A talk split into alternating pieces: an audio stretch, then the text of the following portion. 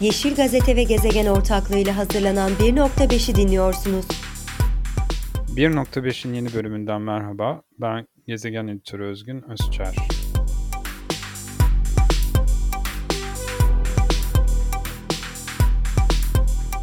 Bugün uzun süredir ekip olarak gündemimize taşımak istediğimiz bir konuyu nihayet odağımıza alıyoruz.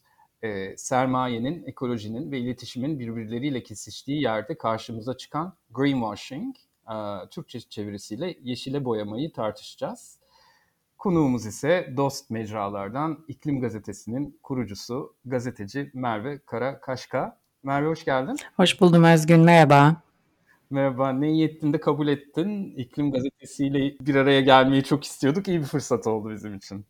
Siz de ne iyi ettiniz, çağırdınız e, bilmukabele. Gezegenle ben de her daim böyle sohbete açığım, zevkle, keyifle geldim. Herkese de İklim Gazetesi'nin e, duru, meseleleri derinlemesine ele alan içeriklerine göz atmalarını da öneririm. Greenwashing seninle bundan aylar önce özel bir sohbetimizde e, üzerinde durduğumuz bir konuydu. E, hani Türkçe yaygın olarak yeşile boyama diye çeviriyoruz ama benim çok tercih etmediğim bir çeviri. Çünkü washing kelimesi aynı zamanda işte temizleme, aklama anlamında çağrıştırıyor. Hatta senin de yeşil aklama diye kullandığını gördüm. O yüzden e, bu söyleşide de bu şekilde kullanmayı seçtim. Türkiye'de sektörel haberleri geçmişte ve bugün de takip eden bir gazetecisin. E, Business Week gibi dergide çalıştın süre boyunca. Genel bir soruyla başlamak istiyorum bu yüzden. Türkiye'de yeşil aklama olarak nitelendireceğin PR çalışmaları ve medya içerikleri gözlemliyor musun? Eğer evetse örnek verebilir misin bize? Ee, ya çok güzel bir giriş yaptın. Evet iş ve ekonomi gazeteciliğiyle hatta başladım ben de kariyerime ve e, düşünüyorum yani 10 yıldan çok uzun süredir görmediğim bir an var mı diye bu örnekleri galiba yok. Yani ta o zamandan beri o sürdürülebilirliğin hani artık o günden bugüne böyle elastik iyice uzadı böyle bir sürü farklı taraflara çekilen bir kavram olmasında da çok etkili bu işte yeşil aklama greenwashing kendi başına. Yani şu günlerde tabii yani bir ortada şey bir tutup bir sayım yapmadım bilimsel olarak ama şunu söylemek çok mümkün. Son dönemde iklim kaygısını daha çok kişi hissediyor. Daha çok kişi iklim krizinin farkında. Özellikle mesela Reuters'ın son raporunda şey diyor haber raporunda işte Türkiye iklim haberlerine en çok ilgi gösteren ülkeler arasında. Bu yangınlardan sonra insanlar ha gerçekten de iklim krizi diye bir şey var herhalde yanıyoruz baksana şeyine bu iyi bir uyanış ama bir taraftan da hani bu ilgi şeye de çok hazır hale getiriyor. Bu markalar tarafında da bu ilgi farkında yani orada çalışan insanlar da bunun oldu. Hatta kendileri de doğrudan bu kaygıyı hissediyorlar. Ben burada hani insanlardan bağımsız daha e, kimseyi bir şeye e, itham etmeden aslında söylemeye çalıştığım şey e, ortada şey oluyor.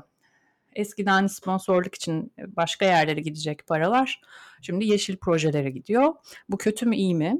Yani aslında e, gri bir alana giriyoruz şimdi. Çünkü evet yeşil projeler desteklensin buna itirazımız yok ve fakat bu projelerin desteklenmesi bize şirketlerle ilgili nasıl bir mesaj veriyor?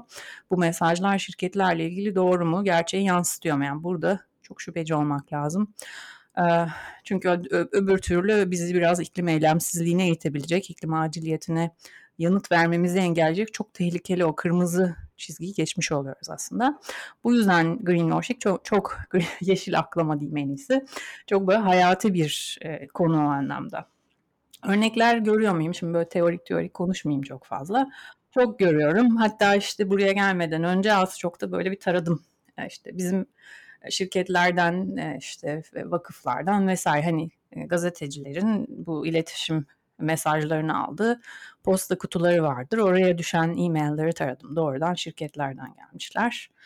Ee, mesela çok yakın zamanda bize bir tane şey petrol şirketinden gelmiş. petrol şirketi demiş ki Türkiye'de ve dünyanın en büyük petrol şirketlerinden biri.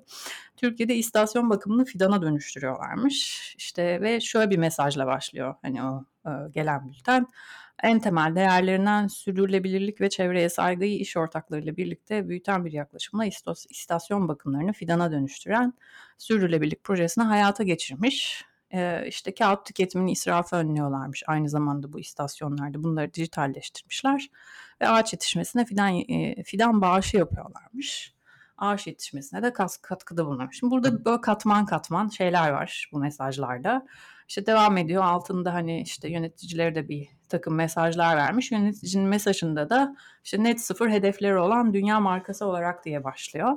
Şimdi burada bir iletişimci olarak tek tek bunları ele aldığında bu mesajları çok farklı yerlere gidiyor. Şimdi sürdürülebilirlik ve çevreye saygıyı temel değerlerinden biri olarak e, söyleyebilirsiniz ama bu gerçek mi diye baktığınızda bizim şey var.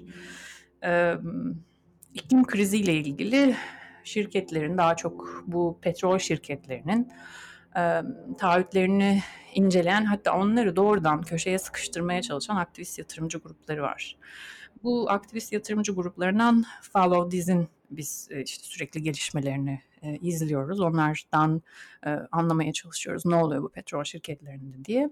Onların son olarak Mayıs'ta yayınladığı bu söz konusu şirketle ilgili bir raporu var. İşte e, ve şöyle başlıyor. Bu şirketteki iklim kriziyle mücadele bu sene momentum kaybetti e, ve e, iklim Paris iklim hedefleriyle ilgili işte yönetim kurulu oylaması geçen sene %21 destek alırken bu sene %15'e düşmüş destek. Ee, ve bir takım işte şey bu Fall of This'in e, aynı zamanda başında olan, onu kuran Mark Van Baal aynı zamanda işte bu şirketin de X şirketinin de yönetim kurulunda e, işte baskı yapıp e, onlara bu iklim çözümlerini dayatmaya çalışan kişi şöyle bir cümle kurmuş. Bu şirkette bir bu şirket açısından çok çok e, iklim kriziyle mücadeleci çok kıymetli bir seneyi boşa geçirmiş olduk. E, ve e, bir sene daha bu şirket emisyonlarını artırmaya devam edecek ve kendi e, işte yatırımcılarının on oylamasıyla, onayıyla bunu yapmış olacak. Ki aslında bu onlar için de çok büyük finansal bir işte çöküşe doğru gidiş demek. Çünkü iklim riski en önemli risk şirketler açısından.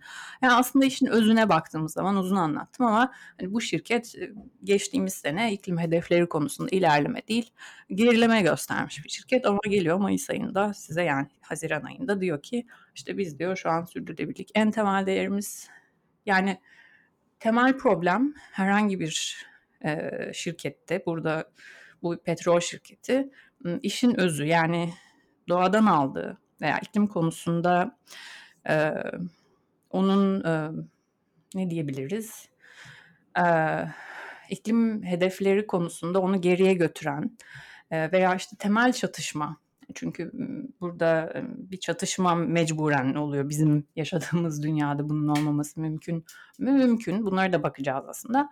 Ama büyük bu kurumsal bütün bu işte çok uluslu şirketlerdeki temel çatışma, iklimle ilgili çatışmayı çözümleyen bir projeden mi bahsediyor bize yeşil diye sunduğu şey yoksa Aa, bu tarafa bakın aa, burada işte biz biraz fidan dikiyoruz ama arka planda aslında o büyük şeyi yaratmaya devam mı ediyoruz, ediyoruz büyük etkiyi. Ona cevap aradığımız zaman aslında görüyoruz ki o büyük etki hala devam ediyor. Hatta geriye giderken biz evet 2-3 tane fidan dikip o etkinin yanında çok küçük kalacak. Ondan medet umuyor hale geliyoruz. Bu da gerçekten e, e, yani bunu tüketici olarak e, alınmaması yani bunun tüketici olarak bu e, ikna edici bulunmaması gereken bir mesaj haline geliyor. Biz petrolle başladık ama bu başka birçok şirkette de var. Bir tane daha örnek e, var elimde. Onu da söyleyeyim eğer vaktimiz uygunsa. Mesela işte e, bir tane tül çorap markası Türkiye'de çok popüler. Hatta dünya çapında mağazaları var. Onlar da denizlerde bir dernekle birlikte mercan ekimine destek vermişler. İşte sürdürülebilirlik hedeflerini açıklamışlar. Hatta şöyle de demişler 2025'e kadar sürdürülebilirlik pamuk dönüştürülmüş polyester kullanımının %45'e, 2020'ye kadar %60'e, 2030'a kadar da %95'e çıkarmayı hedefliyoruz demişler. Şimdi diyebilirsiniz ki yani bir şirketin bunları yapmasının neresi kötü? Tabii ki değil. Tabii ki işte geri dönüştürülmüş materyallerle ürünlerini üretmeye başlaması çok iyi bir şey. Hatta belki şirket için daha da karlı bir şey. Bunu bilemiyorum ama suyu, enerji, kimyasal ürünlerin kullanımını azaltması birçok şirket için aslında verimli de bir adım. Yani burada şey bilemiyoruz. Bu verimlilik için mi yapılıyor yoksa hakikaten e, yeşil görünme yani dünya iklim kaygısı ikisi birden olamaz mı? Olabilir ama işte dediğimiz gibi orada ana e, işin çekirdeğine bakmak lazım. O işin çekirdeğini etkileyen faktörlerle gerçekten mücadele ediliyor mu? Yani dünyaya karşı, gezegene karşı, e, gezegenin sağlığına saygılı bir şekilde mi yapılıyor? Yoksa daha kar öncelikli mi yapılıyor bunlar? diye bakmak da gerekiyor. Ve fakat burada asıl açık kalan şey plastik kirliliği, geri dönüştürülmüş polyester tartışmalı bir madde. İşte mikroplastik kirliliğinin bir çözüm olmadığı ortada. Onu o yönden çok eleştiriliyor. Yani bu yüzden aslında sürdürülebilir mi değil mi? O tartışılıyor asıl asıl asıl burada problem 2030'a kadar biz atık üretmeye devam edeceğiz demesi. Bu tül çorapların en önemli problemi bir kere kullanıp atıyorsunuz. Kaçıyorlar çünkü. Dayanıklılığını artırmak adına bir şey yapılıyor mu? İşte bu döngü kapatılıyor mu? Yani kullanıp biz bunu atmaya devam mı edeceğiz 2030'a kadar? Siz bunu toplayacak mısınız? Topladıklarınız şeffaf bir şekilde bizimle yapar. Bütün o süreçle ilgili sadece markaların bilmemizi istediği kadarını bilmemiz problem. Yani orada çok ciddi bir şeffaflık sorunu da var. Orada da zaten bu bütün bu süreç şüphe uyandırıyor. İşte şey aslında az önce söyleyeceğim bir şey daha vardı. O da ağaç dikmenin bir çok popüler bir yeşil yıkama şekline dönüşmesi. Evet ağaç dikim artık bir iş, iş modeli haline geldi. Yani ağaç dikmek e, iklim kriziyle mücadelede çok başat bir yöntem gibi görünüyor. Tartışmalı olsa da. Ama hakikaten de bu bir veri yönetim işi yani. E, siz onu diktiniz, nereye diktiniz, o diktiğiniz yerde iki toprak nasıl vesaire bütün bunları seçtiniz, doğru yaptınız takibi çok önemli. E, ve işte maalesef hiç bu tarafıyla ilgilenmeyip sadece işte bir hayal gibi gözümüzün önüne ağaçların yeşerdiğini getiren ama aslında e, gerçekte ne olduğunu bizimle paylaşmayan çok çok sayıda e, proje yapılıyor. Bu da büyük bir sorun. Net sıfırdan da bahsettin verdiğin örneklerde. Ona sonradan geleceğiz ama e, yine hani o somut iki örneğinde değindiğin bir şey var. E, birden fazla şey var. Hem de hani çok gri bir alan diyorsun. İşte bu da aslında yeşil aklamanın hani yedi günahından bazılarına gönderme vardı aslında. İşte kötünün iyisi, ehvenişer. Yani azaltıyorlar ama 2030'a kadar e, atık üretmeye devam edeceklerini beyan ediyorlar. Ama en azından azaltıyorlar. Yani kötünün iyisi. E, bir e, kanıtlayamama, ispatlayamama, kanıtsızlık durumu. E, diğer günahları da hemen sayayım. Çünkü zaten hani iklim literatürüne çevrilen şeyler bunlar. E, gizli takas e, dediğimiz yani hani e, iklim e, bazı e, e, çevreye saygılı e, bazı eylemlerin karşılığında bir yandan da e, daha fazla belki atık üretmeyi beraberinde getiren uygulamalar. E, belirsizlik, alakasızlık, e, sahte etiketlere tapınma ve e, fibbing denilen e, ve kasti muğlaklık, kasten e, muğlak mesaj vermek olarak çevirebileceğim fibbing.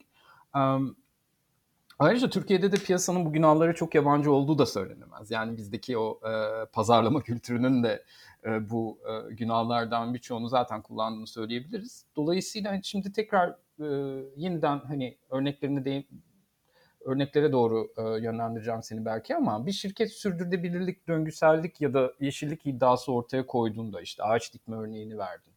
Bu bir reklamda olabilir, bir haberde olabilir ya da ürünün, hizmetin ta kendisinde de olabilir.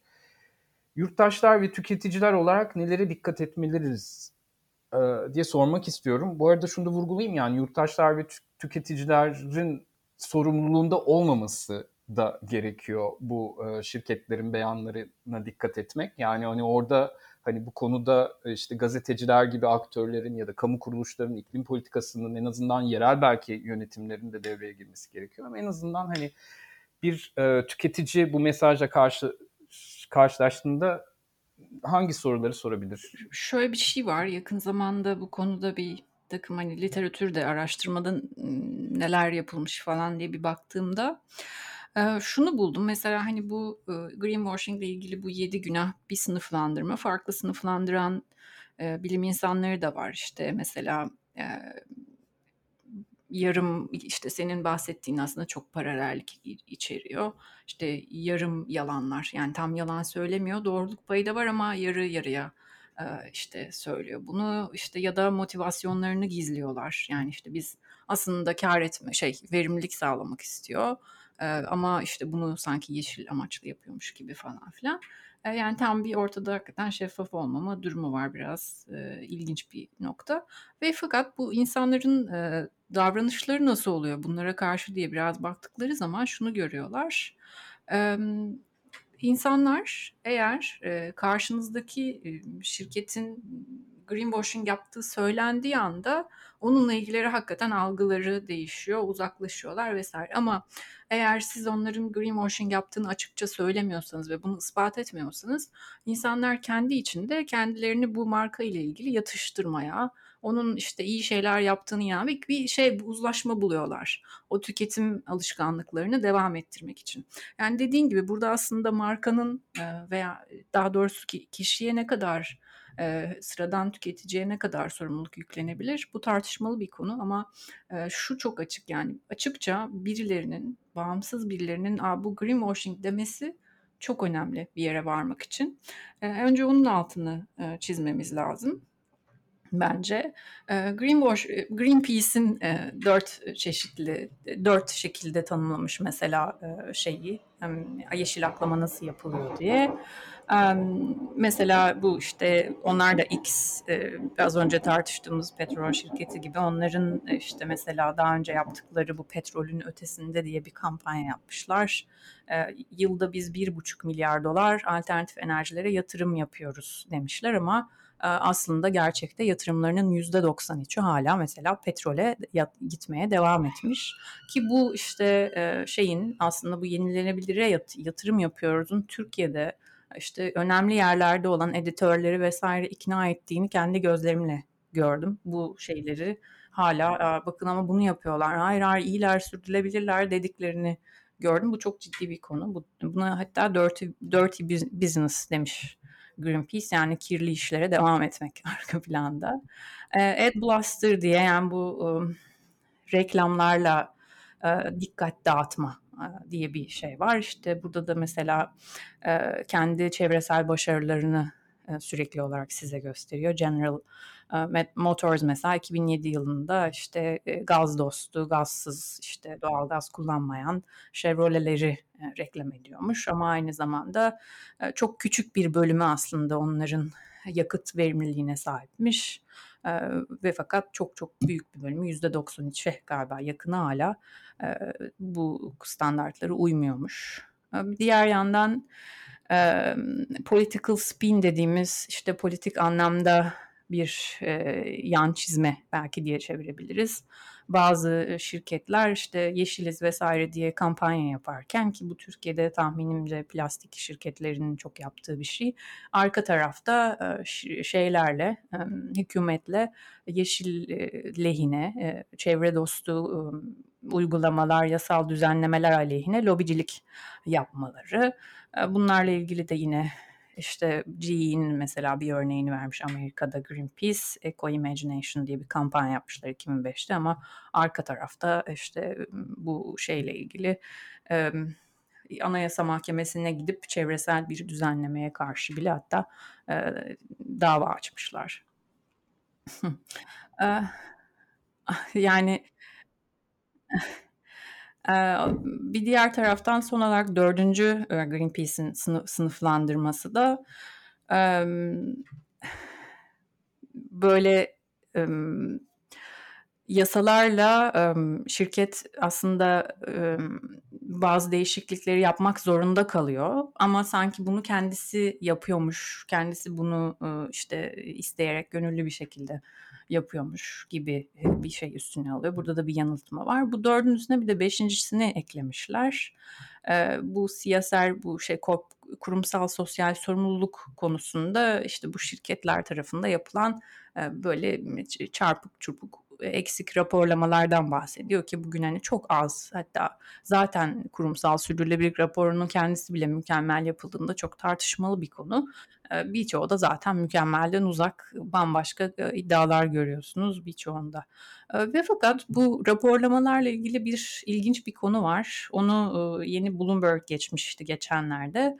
Şimdi bu iklim riski bir iş riski olarak tanımlandı ve artık işletmelerin yani işte BlackRock bile hani dünyanın en kirli garip şirketlerinden biri bile şey CEO'su bile hani çıkıp şey diyor hani bu işte iklim konusunda bir şeyler yapacağız vesaire vesaire. Zaten oradan sinyali alınca yatırımcılar da haliyle bu ESG e, temalı işte yani çevresel sosyal e, temalı fonlara yöneliyorlar. Bloomberg demiş ki 2019'un başından beri bu fonlara 300 milyar dolar yatırım yapıldı. Environmental, Social and Governance fonlara bu temalı. Şimdi e, son ve hani yıllık olarak da hep bir artış gerçekleşmiş. 2019'da 30, 2020'de 94, 2021'de 159 milyar dolarlık artışlar gerçekleşmiş. Ve fakat bu Mayıs ayında e, tam tersi bir şey olmuş. İlk kez ESG'lere akan para ESG'lerden çıkan paradan düşük olmuş ve e, yaklaşık 200 milyondan 200 milyon dolardan fazla bir e, çıkış gerçekleşmiş. Bunlar da şunun etkili olduğunu söylüyor. Elon Musk çıkıp işte şey demiş ESG'ler tam bir işte scam yani işte uydurma, gerçeği yansıtmayan bir işte sahtekarlık gibi çevirebiliriz. İşte HSBC hatırlıyorsanız bir tane şeyi vardı. O bir yöneticisini de işten çıkardık. İklim değişikliğinin finansal bir risk olmadığını söylemişti vesaire. Neyse buraları biraz uzun üzerinde durdum. Fakat şunu anlatmaya çalışıyorum. Burada şu anda iklim fonları biraz daha az umursuyor gibi görünüyorlar. Çünkü zaten petrol fiyatı inanılmaz yükselmiş durumda. Dünya yanıyor Ukrayna'da müthiş bir hani savaşın etkisi korkunç oldu işte vesaire vesaire. Yani daha kısa e, görüşlü düşünmeye başladılar. Orada ciddi bir dalgalanma var.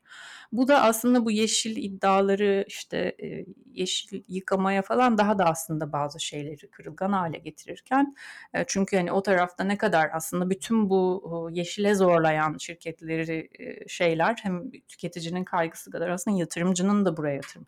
Yani Türkiye'deki bankalar keyiflerinden kömürden çıkmıyor. Kimse kömüre para vermiyor. Çin bile artık vermiyor yani. Hani o yüzden tutup e, bu ve bu tarafta yeşilde fon bulabildikleri için bu oluyor gibi e, büyük bir iddia atayım ama kimseye de böyle şey demek istemiyorum. Tabii ki umurlarında değil, insanların umurlarında da olabilirler. Fakat bu da bir gerçek, çok önemli bir gerçek. Net sıfır emisyon açıklamalarına değineceğim. Belki e, senin söyleyeceğin bu soruyu da kapsayabilir istersen. Bahsettiğin yönelimler var. Bir yeni bir yönelimde birçok şirketin, holdingin, işte bahsettiğim petrol şirketlerinin de e, hükümetler gibi net sıfır emisyon hedefleri koyması, ilan etmesi. E, Türkiye'de bir de özel sektör daha hükümet Paris Anlaşması'nı onaylayıp net sıfır için hedef belirlemeden çok önce kendi net sıfır hedeflerini duyurmaya başladı. Yani bu bunun hani sermaye içinde bir de, dinamik olduğunu an, gösteren bir şey bence. Burada da onu soracaktım. Belki hani e, buna da değinerek listeden bahsedebilirsin. Hani bir holding ya da bir banka net sıfır hedefi koyduğu zaman şeytan hangi ayrıntıda gizli oluyor? Ben böyle bu soruları çok seviyorum. o ayrıntıyı, o şeyi bulmak çok keyifli. Şimdi net sıfır ne demek? Net sıfır demek atmosfere saldığınız işte kirli gazların, sera gazlarının atmosferden aldıklarınıza eşit olması. Yani, ve işte dünyanın da buraya geldiği zaman artık biraz stabilize olacağı düşünülüyor. Bu da çok yani şüpheli. E, fakat hani en iyimser tahmini buraya gitmemiz. En kötü senaryo da buraya bence gidiyor olmamız lazım. Bu net sıfırın sağlanması için şimdi salımlar üçe ayrılmış durumda ölçümler uluslararası en çok takip edilen standartlara göre bir kapsam bir sizin doğrudan şirket olarak sebep olduğunuz kapsam iki elektriğinizi gazınızı vesaire e, sebep olduklarınız yani bu utility izledikleri. Üçüncüsü de sizin satın aldığınız e, işte e, başka şirketler üzerinden işte o uzun tedarik zincirleri üzerinden sebep olduğunuz salımlar. Şimdi şirketler 1 ve 2'yi kabul ediyorlar ama 3'ü çoğunluğu yani çoğunluk demeyelim ama birçok şirkette 3 kapsam 3 problem oluyor. Kapsam 3'ün içinde sizin satın aldığınız mallar, servisler, iş seyahatleri, işte çalışanlarınızın işe gidip gelmesi, atıklarınızın yönetimi, satıl, sattığınız ürünlerin e, nereye gittiği, nasıl onun takibinin yapılması, işte yatırımlarınız e, ve işte kiraladığınız varlıklar, franchise'larınız vesaire var. Yani aslında e, buzdağının hani o görünmeyen kısmı diye söylesek hiç abartı olmaz. Ve burayı niye ise şu anda hani keyfi zaten karbon raporlaması vesaire biraz bu yatırım şeyleri üzerinden zorun, zorunlu oluyor. Risk olarak, finansal risk olarak görüldüğü için daha zorunlu hale geliyor ama yani bir şey yok şu an dünya üzerinde öyle bir e, zorunluluk yok. Kapsam 3'ü zaten kimse e, zorunlu görmüyor. Ama mesela kapsam 3'ün ne kadar önemli olduğunu şöyle anlayabiliriz. Shell ve BP'nin e, kendi e, bu 1 ve 2 dışında kapsam 3 salımları kendi toplam salımlarının %70'ini oluşturabiliyor. Yani çünkü niye? Sattıkları e, petrolün e, veya gazın işte dünyaya saldığı yani kendilerinden çıktıktan sonra ne oldu aslında daha da önemli. Ee, ve e, plastik şirketlerini düşün hiçbiri ürettiği atıktan sorumlu değil. İşte bunun gibi bir sürü e, örnek bulunabilir. Burada bir parantez açabilir miyim? Plastik e, ambalaj firmalarını Türkiye'de biliyorsunuz sıfır atık projesi kapsamında fabrikalara, şirketlere daha doğrusu ama fabrikalara sıfır atık sertifikaları verildi. Bu sertifikaların verildiği fabrikalardan bazıları da ambalaj üretiyor. Ama fabrika testi içerisinde atık olmadığı için sıfır atık sertifikası veriliyor mesela yani. Evet tamamen e, aslında bundan bahsediyoruz. Yani e, üretiyorsunuz, üretimle ilgili sizi e, o anlamda ne olduğuna dair tamamen ucu açık bir şey ve bunu şirketler ister ama bunu e, hakikaten kimin faydasınadır burada? Aslında çok cevabı da açık bir soru. Mesela Google'ın bir yeni araştırma vardı bu teknoloji şirketleriyle ilgili. Bunlar hani hep zaten teknoloji, büyük teknoloji şirketleri şey der, biz yenilenebilir enerjiyle işte zaten yüzde yüz kullanabilirsiniz vesaire vesaire. Çok yeşil iddiaları vardır ama mesela finansal ayak izi ki bu da üçüncü kapsam 3'e girer. Yatırımlarından bahsettik. Son 5 yılda finansal ayak izinin sebep olduğu sera gazı salımları doğrudan faaliyetleriyle sebep olduğu kapsam 1 salımların yaklaşık 38 katıymış. bu diğer işte şirketler için de aynı böyle Facebook'tan tutun Netflix, Amazon, PayPal 50 55 kata kadar çıkıyor. Apple'da da nakit çünkü dünyanın en nakit zengin şirketi yaklaşık 3 katına ki bu bütün iPhone cihazlarının dünya çapında kullanımının 3 katı gibi bir şeye çıkıyormuş yatırımları. Yani bu tedarik zincirlerini karbonsuzlaştırmaktan bahsediliyor daha çok. İşte bu da bütün bir zaten o zaman her şeyi dahil etmek demek. Orada hiçbir kaçamak olmaması demek. O bu bu asıl bu kısmı yaptığımız zaman net sıfır bir şey olacak. Bizde de öyle bir yazı var. Çağla'nın yazdığı net sıfır ne zaman anlamlı olacak diye. Ve hakikaten de o kapsam 3'ü dahil ettiğimiz zaman anlamlı olması gerekiyor.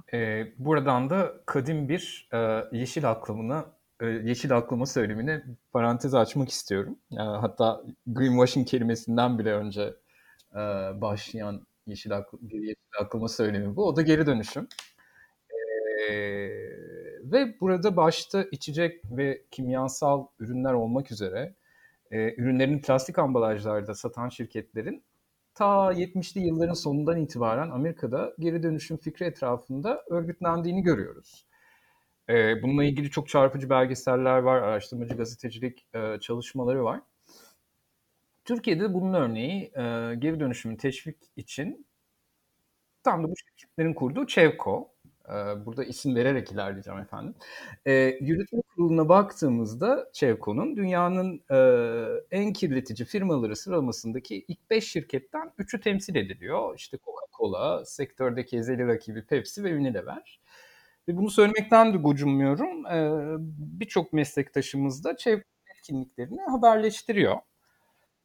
Ee, ayrıca UNDP ile ortak çalışmalar yapıyorlar çünkü sanıyorum dernek statüsündeler ya da vakıf statüsündeler. Ee, yeni adıyla Çevre Şehircilik ve İklim Değişikliği Bakanlığı ile ortak kamu spotları yayınlamışlardı geçmişte ve ortak projelerde gerçekleştiriyorlar. Etkinliklerde işte bakanlığın müsteşarı, müsteşar, yani bakan yardımcısı daha doğrusu artık öyle deniyor. Bakan yardımcılarının katıldığını da görüyoruz. Mesela hükümetin sıfır atık projesi de tamamen geri dönüşüm fikri üzerine kurulu. Dolayısıyla bu örnekten yola çıkarak şunu sormak istiyorum aslında. Özel sektör ve devlet arasındaki bu dirsek temasları nasıl yorumluyorsun? Ve sence bu şirketlerin oluşturdukları lobiler hükümet politikalarının oluşturulmasında da etkili oluyor mu? Geri dönüşümle başladığın hani şunu söylemeden edemeyeceğim. Yani geri dönüşüm e, sistemleriyle ilgili, sistemlerin iyileştirilmesiyle ilgili çözülecek bir şey değil. Sorun materyalde. Yani sorun hakikaten plastikte geçen e, The Atlantic'te öyle bir yazı vardı. Başlığı da buydu. Yani sorun sistem değil hakikaten sorun materyalin kendisi artık bunu çok net bir şekilde söyleyebiliriz. Sorun plastik bir petrol yan ürününde. Ve bunun etrafında da şey ortaya çıkmıştı zaten. Hani petrolcüler aynı, plastikte de aynı lobicilik faaliyetlerini yürütmeye devam ediyorlar. İşte plastiği bir anda ortadan kaldırmamız imkansızdır. İşte onu bilmem. Yani sürekli bir erteleme taktiği, vazgeçilemez olduğu vesaire yönünde ki e, Türkiye'de mesela geçtiğimiz Mayıs ayında plastik atık yasağı getirildi. Sonra 10 Temmuz'da resmi gazetede bir tebliğ yayınlandı ve bu kaldırıldı. En çok konuştuğumuz şey bunun arada işte bir başka hani bakanlıkla yapılan lobiler, bu plastiği seven dernekler, şirketler bu işin içinde olduğu söylenen bu şirketlerin çabalarıyla böyle bir taviz koparıldığı yönünde lütfen bizi denetleyin denetleyin gibi bir söylemle burada bir taviz koparılmış oldu. Bu çok büyük bir şey çünkü Türkiye'nin plastik atık ithalatına baktığınızda çok büyük bir azalma olmadığını işte 700 milyon tondan 600 milyon ton ya da bin ton değil değil mi? Yani sayıları bazen çok karıştırıyor. Yani çok böyle e, majör bir değişiklik olmadığını görebiliyorsunuz baktığınız zaman orada. Ya işte farklı konularda işte zeytinliklerin maden faaliyetlerine bir anda böyle e, yok yere hani çok da şey kuralsız bir şekilde açılma. Ya bütün bunlara baktığımızda zaten benim tek gördüğüm şey bu şey oluyor. Lobi çalışmaları ve bir takım evet, bizim aleyhimize çalışan noktada bütün bunları, görmek mümkün. E, Türkiye'de, çok da garip ilişkileri var. İşte, ne bileyim, petrol, eee, dernekleri Çevre ve Şehir Ba Bahçecilik Bakanlığı'yla bir varil bir ağaç diye projeler yapabiliyorlar. Yani, böyle şeyler, eee, iyi olarak, iyi söylemler gibi, hani, etrafta reklam malzemesi olarak da kullanılabiliyor. Yani bu, greenwashing ile birlikte bunlar e, birleştiğinde hakikaten de e, bizim elimiz yani normal yurttaşın yurt, yurttaşların elini çok zayıflatan e, bir noktaya geliyor. Bu yüzden hakikaten e, şey çok önemli bence. E, üçüncü gözlerin yani bir işte yeşil aklama izleme komitesine bunları işaret etmesine çok çok ihtiyaç var böyle bir kuruluşa Türkiye'de kanımca. O anlamda çok büyük bir boşluk var. Markalar istediği şeyi istediği yerde alabiliyor. Çok böyle doğayı doğa sevmeyen deterjanları satan şirketleri çok başka şeyleri sponsor. Çünkü zaten şey çok büyük bir dengesizlik var ortada. Yani bu çok ulusluluk başlı başına bu büyük ölçeklenme başlı başına zaten şeyin en büyük düşmanı yani bütün o doğanın işte kaynak tırnak içerisinde dünyanın en önemli problemi problemlerinden bir hiçbir şirket bu kadar büyük olamamalı yani bu bu kadar zaten büyük bir şirketle karşılaşıyorsanız hangi ürünüyle mutlaka vardır bir yerinde bir şey. Çünkü zaten hiçbiri kapsam üçlerini temizleyeceğim, tedarik zincirimi temizleyeceğim dememiş. Yani ortada büyük bir ne kadar yeşil iddiası olursa olsun aslında değil. Son zamanlarda güzel gelişmeler var aslında. Yani son e, finans şirketlerinden tutun da hakikaten e, şirketlerin yaptığı haklarını takip etmeye yön, e, eden e, yeni sivil toplum kuruluşları oluşuyor. İşte Fransa'da mesela Reclaim Finance diye bir e, STK hem STK hem düşünce kuruluşlar galiba e, çalışmalara başladı. 2020 yılında sanıyorum. Çok yeni yapılar bunlar ve gerçekten hani e, şirketler sözlerini tutuyorlar mı, vaatlerini yerine getir, getiriyorlar mı diye izlemeye başladılar. Umarım hani ülkemizde de bunu görürüz ama ülkemizin ekonomik yapısı tam buna ne kadar uygun onunla ilgili soru işaretlerim olsa da e, işte bankalarının vaatlerini e, gözden geçiriyorlar. E, bankaların hakikaten vaat ettikleri gibi e, fosil yakıtlara e, yatırımlarını azaltıp azaltmadığını e, bayağı ciddi bir şekilde e, irdeliyorlar ve bu da güzel bir gelişme galiba. E, son bir soru soracağım. Biraz da hani e, tersten düşünelim istiyorum. E, bahsettin işte geri dönüşüm dedim ama tabii orada yani geri dönüşümün en büyük e, orada geri dönüşüm fikrinin kendisinden öte plastiğin geri dönüştürülmesinden kaynaklı bir, bir sorunu vurgulamak gerekiyor. İşte bu yeşil aklama söylemlerin diğer kutbunda nasıl bir söylem var? Yani hani insanları daha az tüketmeye teşvik eden, ölçülebilir, hesap verebilirliği öne çıkaran, şeffaf yürütülen süreçleri e, ifade eden kavramlar, kelimeler hangileri? Hani hangi kelimeler yeşil aklımının zıttını temsil eder sence? Ya aslında senin sorunun içerisinde çok önemli e, böyle kelimeler zaten e, seçmişsin. Daha az tüketmeye teşvik keş, ke, teşvik etmek, yani sorunu nasıl tanımladığınızla ilgili ve az önce aslında bir yerden geçiş yapabileceğim. Hani bu çok ulusluluktan bahsettim çok büyük. Yani neresinden bu şirketlere ne kadar az aslında temas etsek ki bunun çok zor olduğunu farkındayım.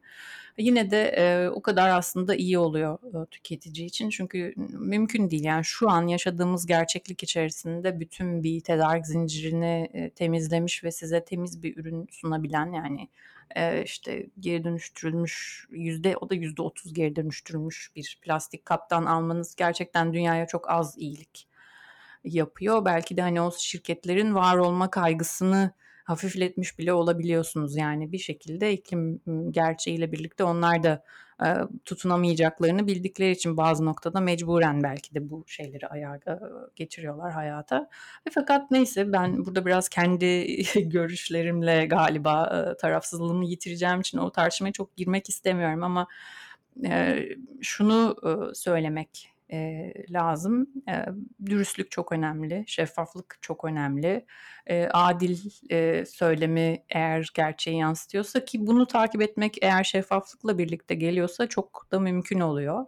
Yani nereden geliyor bu ürün, nasıl geliyor ve nereye gidiyor? Bunun üç, üç soruya da iyi yanıt verebiliyorsanız aslında doğru bir yani zonda doğru bir alanda hareket ediyor olabilirsiniz. Ve bir de aslında senin orada söylediğin size daha fazla şey aldırmaya çalışıyor ama niye aldırmaya çalışıyor? Yani çünkü zaten en önemli bizim yapabileceğimiz aksiyon o böyle koşa koşa bir yerlerden sürekli olduğumuz yeri değiştirip ya bir şeyler almak ya işte sürekli seyahat etmek ya şunu yapmak. Hani bunun yerine daha sakin bir kafayla işte hakikaten sorgulayarak buna ihtiyacım var mı, bu neye hizmet ediyor, neden vesaire vesaire. Hani bunu azalttıktan sonra e, ve nereden peki o zaman e, azaltmak bizim için iyi bir şey en başta. Nereden geldiğini size anlatıyor mu? Problemi nasıl tanımlıyor karşınızdaki marka? Öncelikle yulaf sütü üretiyor. Neden yulaf sütü üretiyor? O yulaf sütünü nasıl üretiyor? Yulaf sütünü nasıl ürettiği ile ilgili nasıl bir seçimle karşılaştığını e, ve bu seçimi niye yaptığını size anlatıyor mu? E, ve e, sonrasında da o sizin elinizde kalacak olan ambalajı sizden nasıl yönetmenizi bekliyor?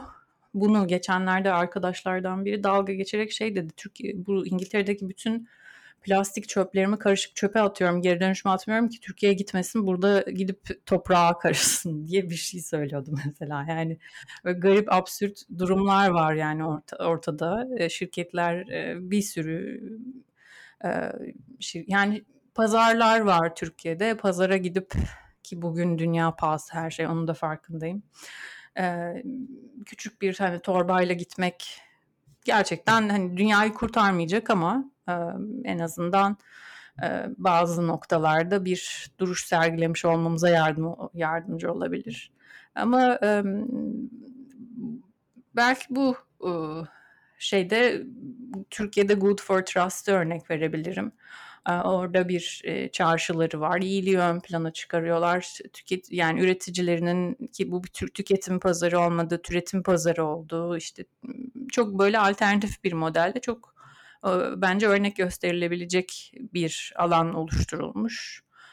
Alışveriş yapmak için de bence o anlamda geçenlerde oradaki bir organik üretici işte bu gübre ve şey ilaç, zehir fiyatları işte pestisit fiyatlarındaki yükselmeyle birlikte organiğin daha ucuz olduğunu bile iddia etmişti. Bilmiyorum henüz bu tezi doğrulayamadım ama bu tip mesajlar yani tanımak biraz yani günümüzün o ilişkide ilişkilenmek bütün o ilişkisizliği, uzaklığı, mesafesi karşısında satıcınızla işte üreticinizle ilişkilenmek, onun e, işte ürünle sadece alayım tüketeyim. Yani o tek boyutlu ilişkiyi kırdığınız zaman aslında e, ki bu hani anlat anlatıyoruz yani işte bu anlatılmayan ürünlerle ilgili anlatılmayan şeylerde bütün hikaye e, onların ürün haline gelmesinde hatta günümüzde işte böyle reklam izlediğinizde çok tek boyutlu nesneler ya sizi alıp dünya ama öyle değil ya bir canlı bir varlıktı senden önce